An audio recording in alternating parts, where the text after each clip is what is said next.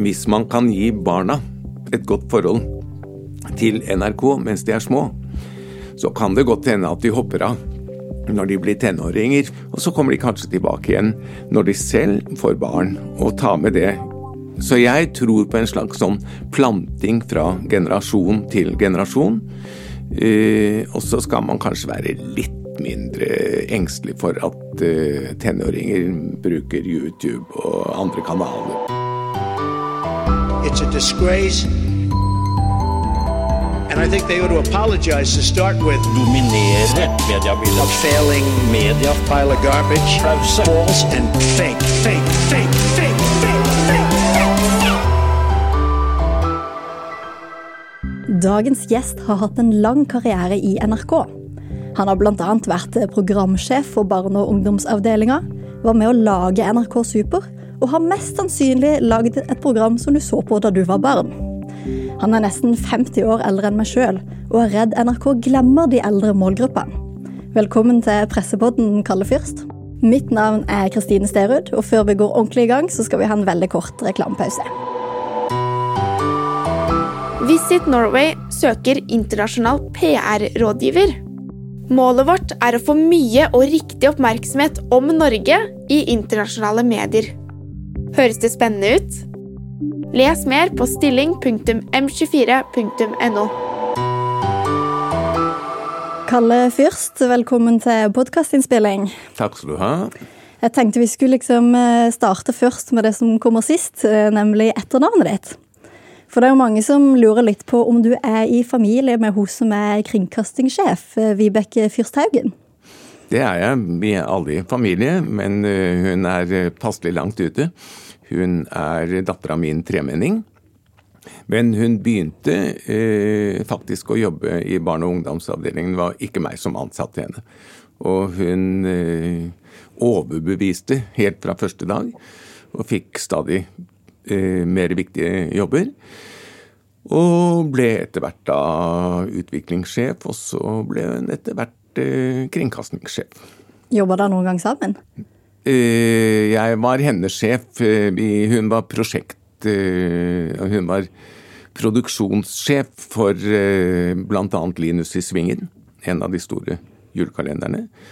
Og var, og var og er veldig respektert for å være ordentlig og dyktig og skikkelig. Så hun er riktig person på Kringkastingskontoret? Det tror jeg.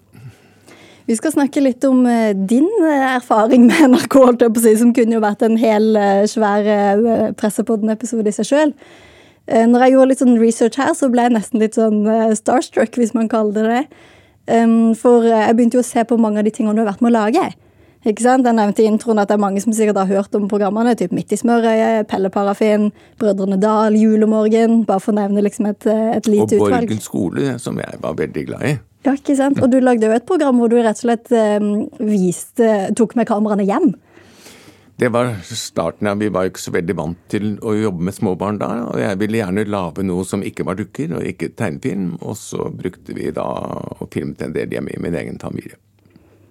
Og det ble jo en suksess, kan man jo kalle litt sånn nybrottsarbeid, kanskje? Det var veldig nybrottsarbeid, og internasjonalt vakte det veldig stor eh, oppsikt. At vi tok barna på alvor og tok uh, ordentlig problemstilling rundt det. Og så hadde vi jo i tillegg da en serie om kvelden som het Etter leggetid, hvor jeg sammen med Magne Raumdalen, en veldig kjent barnepsykolog, og Åse Gruda Skar, som var dronningen av norske barnepsykologer, tok eksempler fra denne serien, og så snakket vi om barne-TV. Så snakket vi om barneoppdragelse, og den ble jo så populært at de til og med lagde en parodi på den. uh, Mattis på Moen. Med, oss, med Billy Hoel som også Gruda Skar, Trond Kirkvaag eh, som eh, Magne Reimdalen og Jon Skolmen som meg. Så det er jo den største æren du kan få, det er jo å bli laget parodier. Ikke sant, det er liksom kvalitetsstempelet her. Ja.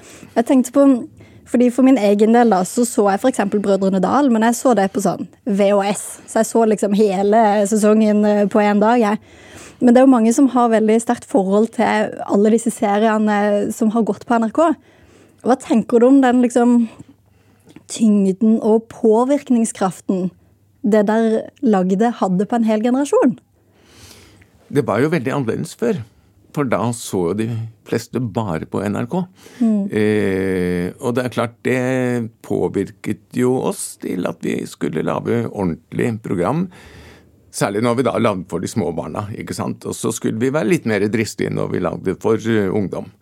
Eh, og det som jeg fortsatt syns NRK gjør veldig bra, det er jo faktisk at de lager veldig gode barneprogram. Eh, og min tanke har alltid vært, og det tror jeg det også er nå, det er at hvis man kan gi barna et godt forhold til NRK mens de er små, så kan det godt hende at de hopper av når de blir tenåringer. For tenåringer vil som regel gjøre noe annet enn det de har fått beskjed om av foreldrene sine. Og så kommer de kanskje tilbake igjen når de selv får barn, og tar med det så jeg tror på en slags sånn planting fra generasjon til generasjon. Eh, og så skal man kanskje være litt mindre engstelig for at eh, tenåringer bruker YouTube og andre kanaler og søker opp dritt og lort, for det gjør de jo. Det er jo en del av utviklingen man har. Tenåringshjernen er jo et veldig spennende prosjekt. Der står det jo egentlig på pannen 'stengt pga. ombygning'. Og det er jo helt sant. For hjernen endres og bygges om og struktureres om fra du er ca. 14 til du er ca. 20. og Det er først når du blir 20, og gutter litt grann senere, at du liksom får den utviklede hjernen som du har som eh, voksen. Og før det, i den perioden, så du, søker du sensasjoner, og du utfordrer grenser, og du prøver å teste ting. Du skal i hvert fall ikke se på NRK, liksom. Nei. Vi skal snakke enda mer om det her eh, si, mellomsjiktet der, men jeg har lyst til å gå litt tilbake til, til hvordan dere jobba da du sjøl jobba i NRK. Altså, Hvordan jobba dere nettopp for å nå ut til barn og unge? Man hadde jo liksom den eh, privilegiet at YouTube og Snapchat eh, ikke fantes, men da må jo likevel ha hatt noen tanker på hvordan dette skal engasjere, da? Nei, vi eh, NRK startet jo med å lage eh, nær sagt Barnetimen i radio. Eh, så det var liksom for de yngste barna at man satset i starten. Og så etter hvert så kom det da eh, litt mer for de eldre. Og det vi etablerte da på den perioden, det var jo Halvsjø og Midt i Smørøy, som var siktet inn mot den målgruppen. Og da tok vi faktisk litt modell etter Barnetimen. At vi hadde en magasindel, og så hadde vi en dramatiseringsdel. Og vi klarte altså å få en del penger da, til eh, denne målgruppen. Og med Halshus så vekslet vi jo gjennom mellom eh, Oslo, Bergen og Tromsø. Det var litt strategisk, for vi visste at vi ville alltids få litt mer penger hvis vi satset på distriktene også. Men det var også helt reelt at vi ønsket å gjøre det. Og, og, og det satte en standard for at det skal satses på, på, barneprogram. Og det skal satses på dramatiseringer, og det, etter hvert så kommer vi også med en ordentlig satsing på det som heter julekalendere. Ja, det er jo julekalendere mange Eller ikke, nå sier jeg som det er julekalendere mange har et forhold til i dag. Det er jo ikke det, men likevel så er jo det noe som står veldig sterkt i mange generasjoner, da, som fortsatt samler, samler mange inn til NRK. Jeg tenkte litt på Noe av det siste du gjorde før du slutta i NRK, var jo rett og slett å lage den her, eh, være med å lage NRK Super, eh, som var en egen kanal. Hvorfor eh, tenkte dere at dere måtte ha en egen kanal for å nå ungene? Nei, da var jeg sjef for barne- og ungdomsavdelingen.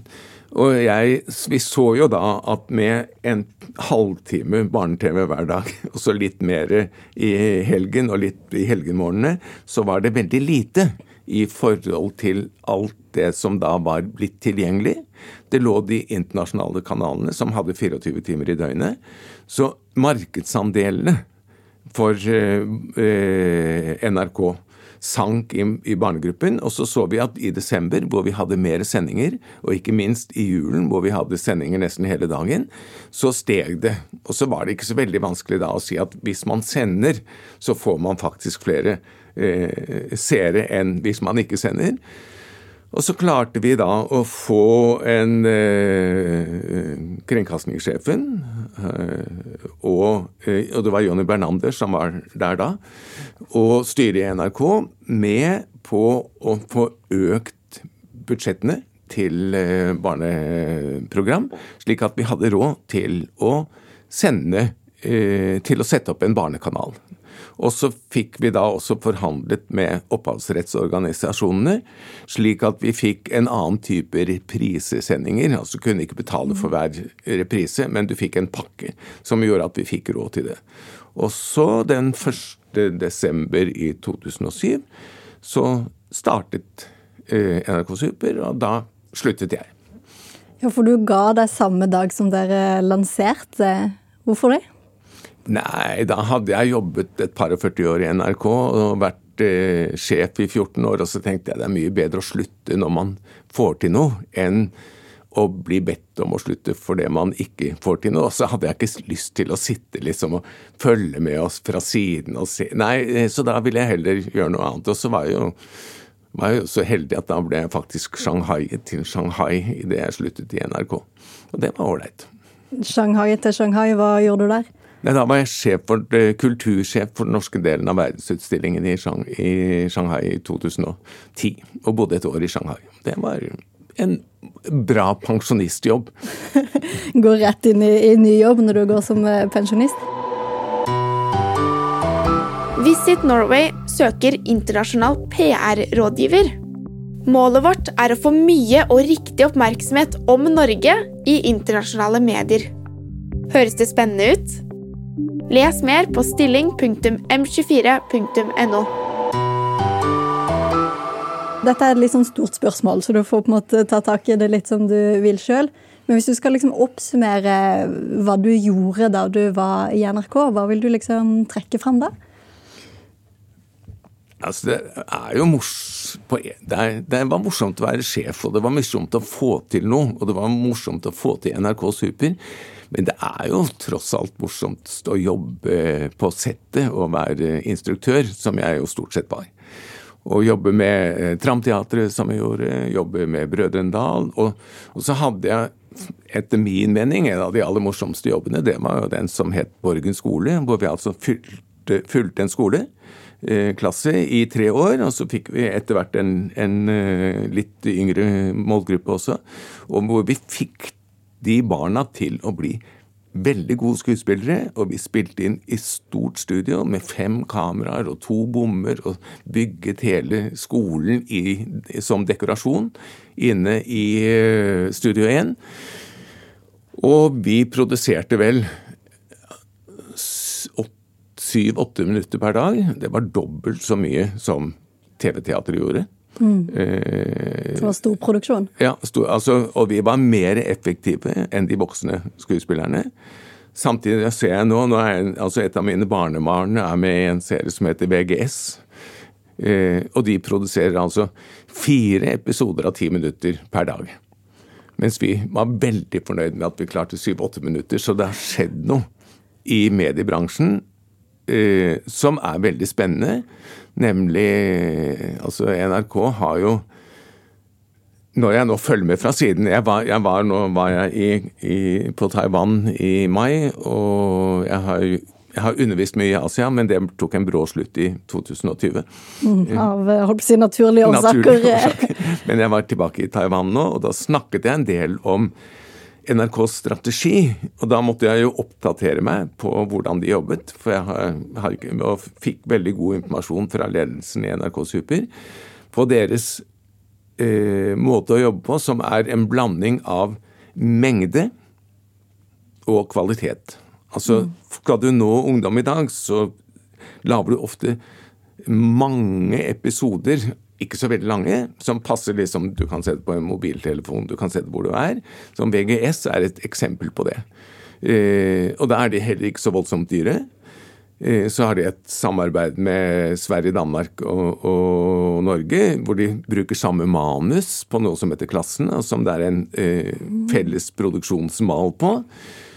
Eh, så det er liksom, Og så har de, lager de hauger med Mini-Fantorangen, og altså bruker varemerkene sine. Så dette er sånne program som eh, Barna ser jo ikke skedulert eh, TV lenger, ikke sant. Men det er lett å se, og det er ikke så veldig lange program. Så det er den ene måten. At man liksom gjør det billigere å lage mer? Masse, ja. Og mm. det andre er kvalitet. Og når jeg går inn og Altså, NRK Super er av de, en av de få barnekanalene som klarer seg sånn noenlunde mot YouTube.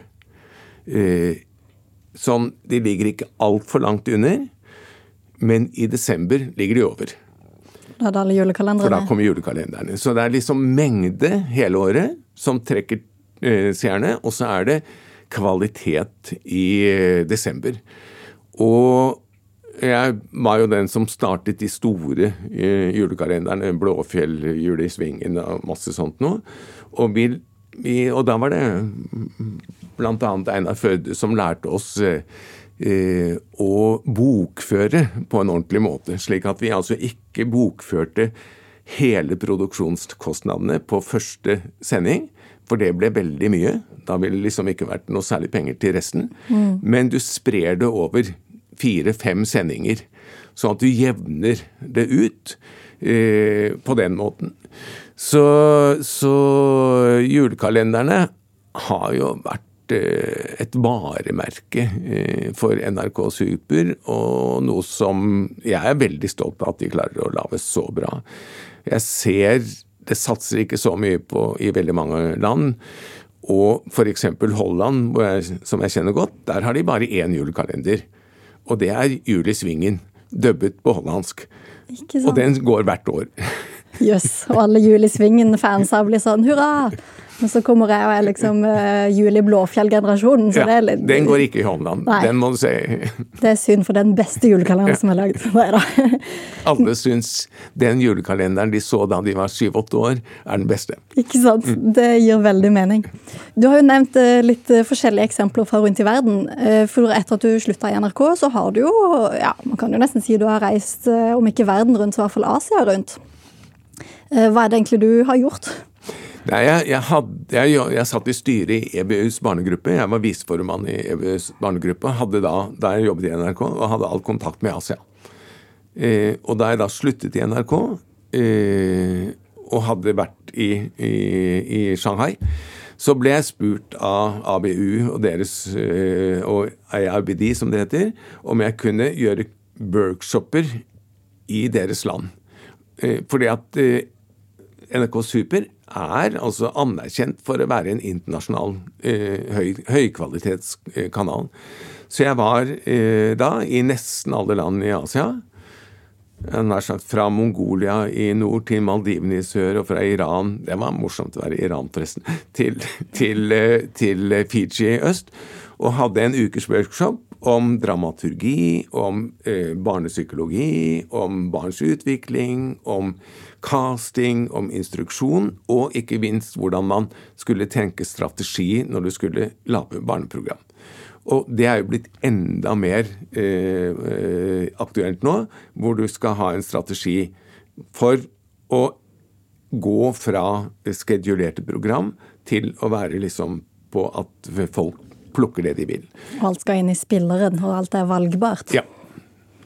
Men, men, er det noe forskjell? Altså Skiller NRK, seg, eh, NRK sitt arbeid mot å nå barn og unge skiller det seg veldig ut fra det man gjør hos andre allmennkringkastere rundt om i verden? Det er jo ikke så mange som satser såpass mye som de gjør i NRK. Hvis jeg har, jeg har, vært i noen litt store land og sammenlignet hvilken sum de ville hatt hvis de skulle hatt tilsvarende eh, i forhold til befolkning, og det er jo liksom De har kanskje eh, litt under det NRK har, hvis de er et 15 ganger så stort land, ikke sant? og hvis de er et 100 ganger så stort land. Eh, ja, så det, det har vært satset ordentlig men det vet vi jo at eh, Norge Vi er jo heldige, vi har litt penger. Mm. Både til det ene og det andre. Men det, går, det også satt, har vært en bevisst satsing på barn og unge. Hva synes du om hvordan NRK treffer dette i dag? Eh, jeg, jeg syns det er interessant å se at de også har klart å lage noe Altså Skam var jo en stor internasjonal uh, suksess. Det startet jo faktisk med en serie som het Mia og jenter, altså sånne kortformatprogram. mm. i, i barnedelen. Og så ble det tatt opp til uh, Skam, og da det da kom liksom i ungdomsdelen og ble litt mer, kunne ta litt mer sånne sexy problemstillinger, så ble det jo veldig populært. Og i Kina så går jo Skam med kinesiske tekster liksom ligger ute på det kinesiske nettet, da. Eh, så det, den, det formatet, eh, det er jo et Altså kortformatet er jo noe du ser igjen nå i, i mange eh, program, både for mange aldersgrupper. Eh, det er vanskeligere å treffe tenåringene fordi at de har så mye større valgmulighet. Mm. og det er morsomt når de klarer å få det til. Altså Rådebank var jo Den traff jo. Mm. Så det er noe med å ha og Skam og Rådebakk og en del andre serier har jo truffet fordi de har funnet De har hatt et godt manus, de har funnet en problemstilling, de har hatt gode skuespillere og god regi, og da blir det kvalitet av det, og da treffer det. Eh, og så famler det jo en del, syns jeg, da. Men det må man gjøre. Du må liksom prøve litt. Eh, og så er som jeg sa i sted, det er Jeg ville vært litt roligere på, på at man kanskje mister ungdommen litt. Jeg ser jo på Altså P, P3 har jo fem kanaler vel under P3-logoen. ikke sant, P3 pluss, Og de har jo, bortsett fra P3, så er de andre nesten 0 i oppslutning. Fordi at det er musikkanaler, og folk, ungdom hører på Spotify. ikke sant, mm. Da får de akkurat det de har lyst til. Og så har du de, så har du P3. Selve P3 som liksom trekker opp nye artister og alt mulig sånt noe, som gjør en viktig jobb på det. Men eh, eh, sett i forhold til da de hva de da satser på min generasjon, som har vært med og, bygge opp NRK, finansiert det først via lisens og så via øh, skatt nå, så føler jo jeg øh, den såkalte aldersdiskrimineringen. Ja. ja føler du deg glemt? Eh, det satses betydelig mer på Hvis du skal holde deg til radioen, så satses det jo et betydelig større eh, betydelig større volum eller sum på ungdom enn det gjør på eldre. Eh, og Det kan godt hende at det er riktig at du kan satse litt mer på ungdommen, men når de da skulle kutte eh, og de skulle jo ikke kutte så veldig mye i NRK, egentlig. Ja, Det, det, var, tre, det var, 300 millioner ja, kroner i fjor. Ja, det er en prosent. Mm. Og jeg har kuttet en prosent rundt omkring uten noe særlig store problemer på prosjekter og problemer. Men når du da tar 40% som de gjorde på P1 pluss, mens de ikke kuttet mer enn 1% kanskje på ungdomsdelen, så mener jeg at det er en veldig dårlig strategi overfor trofaste eldre lyttere. Og jeg merker altså veldig på kvaliteten, syns jeg. Ja, på kvaliteten på hvilken måte? da? På P1 pluss er betydelig dårligere enn det var tidligere. Hva kunne NRK gjort bedre der, da? Nei, altså Hvis de ikke hadde kuttet så mye, så kunne de jo hatt uh, PM Jeg mener at PM pluss fungerte ganske godt. Uh, og etter min mening, både med omlegging av programskjema og mindre ressurser og sånt, så er det et, en svakere kanal. Altså De tar ikke de tror bare at eldre mennesker ønsker å høre noe musikk fra 1960-tallet. Mens eldre mennesker er også interessert i både politikk og samfunn og eldrestilling og ungestilling og kriminalitet og alt mulig sånt noe. Og det er det veldig lite av. Bortsett når, for når, når det er samsending med de andre kanalene for å spare enda mer penger.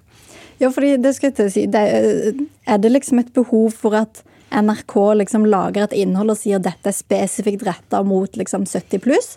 Eller kan ikke de som er over 70 også på en måte benytte seg av hele NRKs eh, portefølje? Ja, men de benytter seg kanskje ikke av P3, f.eks. Mm. Eh, nei, nei, men det er altså det er, uh, Alle kan jo plukke hva de vil. Jeg hører mer på P2 enn, uh, en jeg gjorde før, og P2 er en god kanal, syns jeg. Mm. Men eh, tidligere hørte jeg faktisk også en god del på P1 pluss, fordi P1 pluss også tok noen spesifikke problemstillinger som er Og det er altså 15-20 som er over eh, 22 vel, som over Altså en femtedel av den norske befolkningen er over 62 år. Mm. Ikke jeg, Og så har vi ca. femtedel som er med innvandrerbakgrunn. Og alle sier at det er kjempeviktig at vi må satse på den femtedelen som er med innvandrerbakgrunn, for ellers er det diskriminering. Men det er ingen som sier vi må satse på de som er over 62 år, for ellers så blir det diskriminering. Det er mye eldre diskriminering i det norske samfunnet. Har du noen eksempler på ting du har opplevd sjøl? Uh, nei, altså jeg syns det beste eksempelet er NRK. Mm. Mm. Og du har jo, kan man jo si, du på en måte har tatt grep eh, på å lage innhold eh, for din egen aldersgruppe sjøl, da. Du, jo, du, er jo med på en podkast som heter 'Hvite menn som pusher 80'. Kan du fortelle litt om den? Ja, Hvite menn som pusher 50 er jo en låt av Karpe, så vi mm. stjal liksom den tittelen og bare vred litt grann på den. Og så har, hadde jeg et forslag om å lage en podkast sammen med to av mine gamle venner, Ole Torb, som er en dyktig journalist som jobbet i NRK før, og Nils Olof Dubro, som er en god skuespiller, og som snakker glatt, veldig om alt mulig i verden, og er veldig kunnskapsrik også. Og skal ha premiere på Langdagsferd mot natt nå. Mm. Eh, så vi samles en gang i uken. Vi har fått støtte av Fritt Ord. Eh, så vi ligger altså ute på via Facebook og Spotify og Apple Podkast og, sånt noe. Men eh, så tilbød vi også dette til NRK, men det vil de ikke ha. Det vil de ikke ha, nei. nei så det, Journalisten Fagbladet har jo skrevet om dette. Og da skriver de at kanalsjef Bjørn Tore Grøtte i NRK bekrefter at dere var liksom i kontakt, uten at det har endt med noe samarbeid. Og da sier han P1 pluss har lite eksternt innhold og har fått redusert budsjett eh, den siste tiden. Er det der du mener at NRK burde sette av mer penger til eh, eldre målgrupper? Ja, særlig fordi vi mer eller mindre kunne tilbudt dem det gratis fordi vi fikk forstøtter av Fritt Ord. Så det ble et prinsipp for dem at de ikke ville De ville ikke la seg dirigere av noen som skulle presse seg inn der. Mm. Nå er de jo ikke her for å svare på akkurat den kritikken der. Eh, eh, men det vi vet eh, fra før, er jo at da de skulle kutte, så var det en del av disse programmene på, på P1 Pluss som, som, røyk. Mm. Og sånn cirka samtidig som de gjorde dette, så hyra de jo inn den berømte podkasten til Sofie Elise og Fetisha. Mm. Som man da skulle liksom nå, nå de unge. Hva synes du om, om hele det opplegget der? Nei, det var vel et slags sånn godt eksempel på at man satser på de unge og diskriminerer de gamle. Åssen syns du det gikk?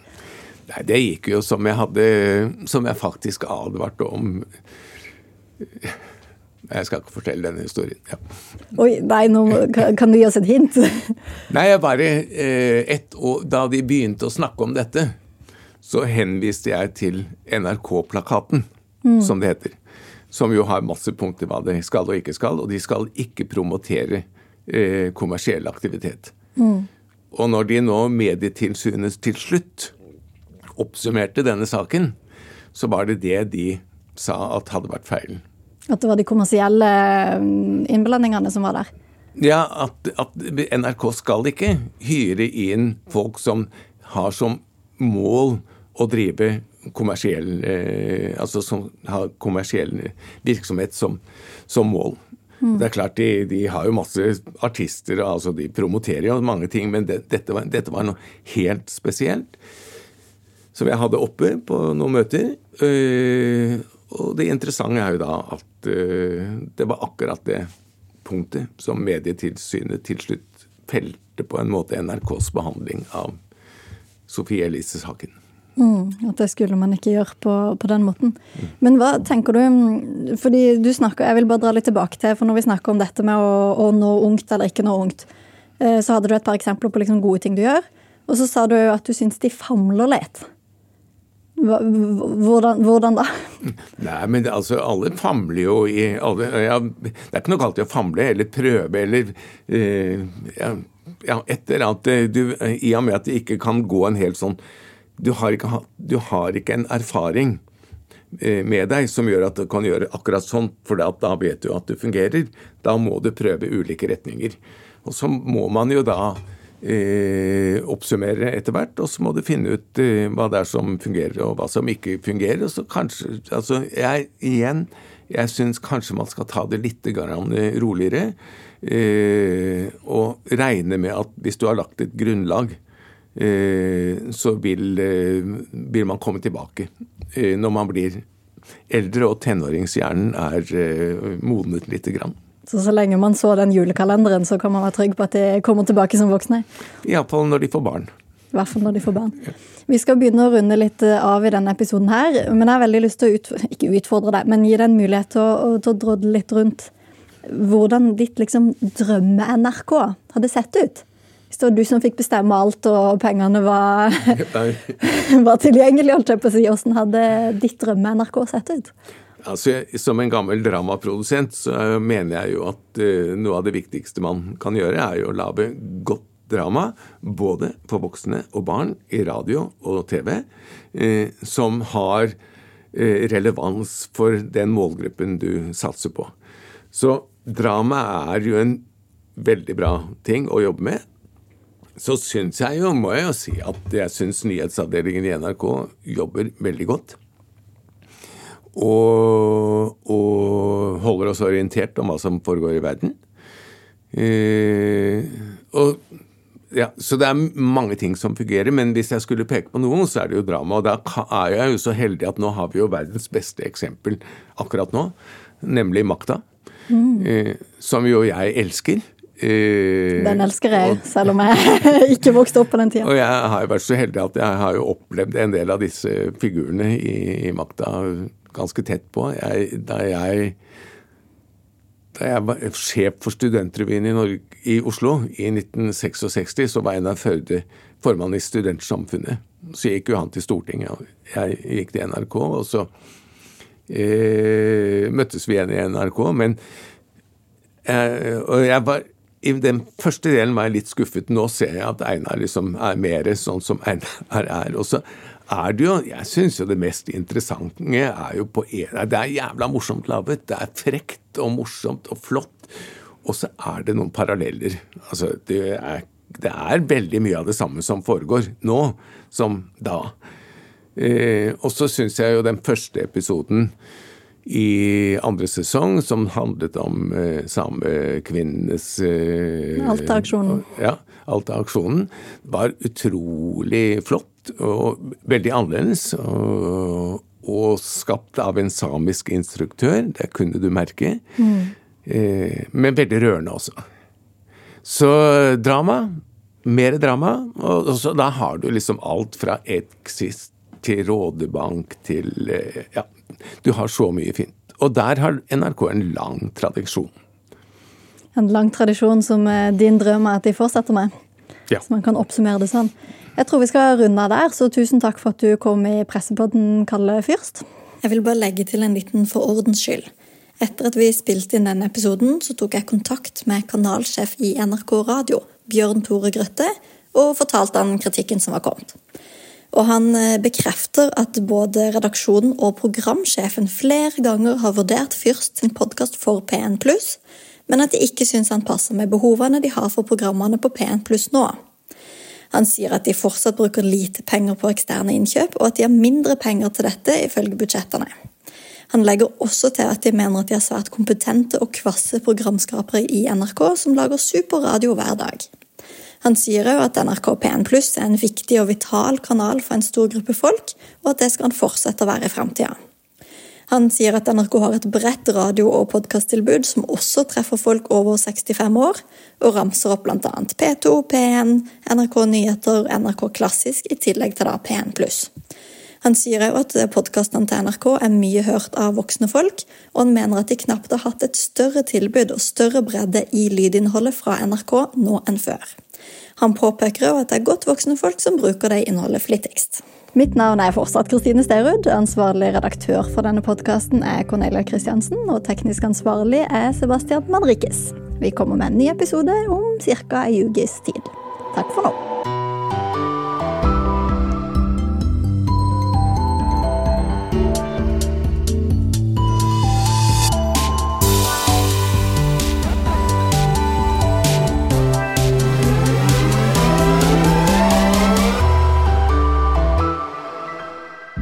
Visit Norway søker internasjonal PR-rådgiver. Målet vårt er å få mye og riktig oppmerksomhet om Norge i internasjonale medier. Høres det spennende ut? Les mer på stilling.m24.no.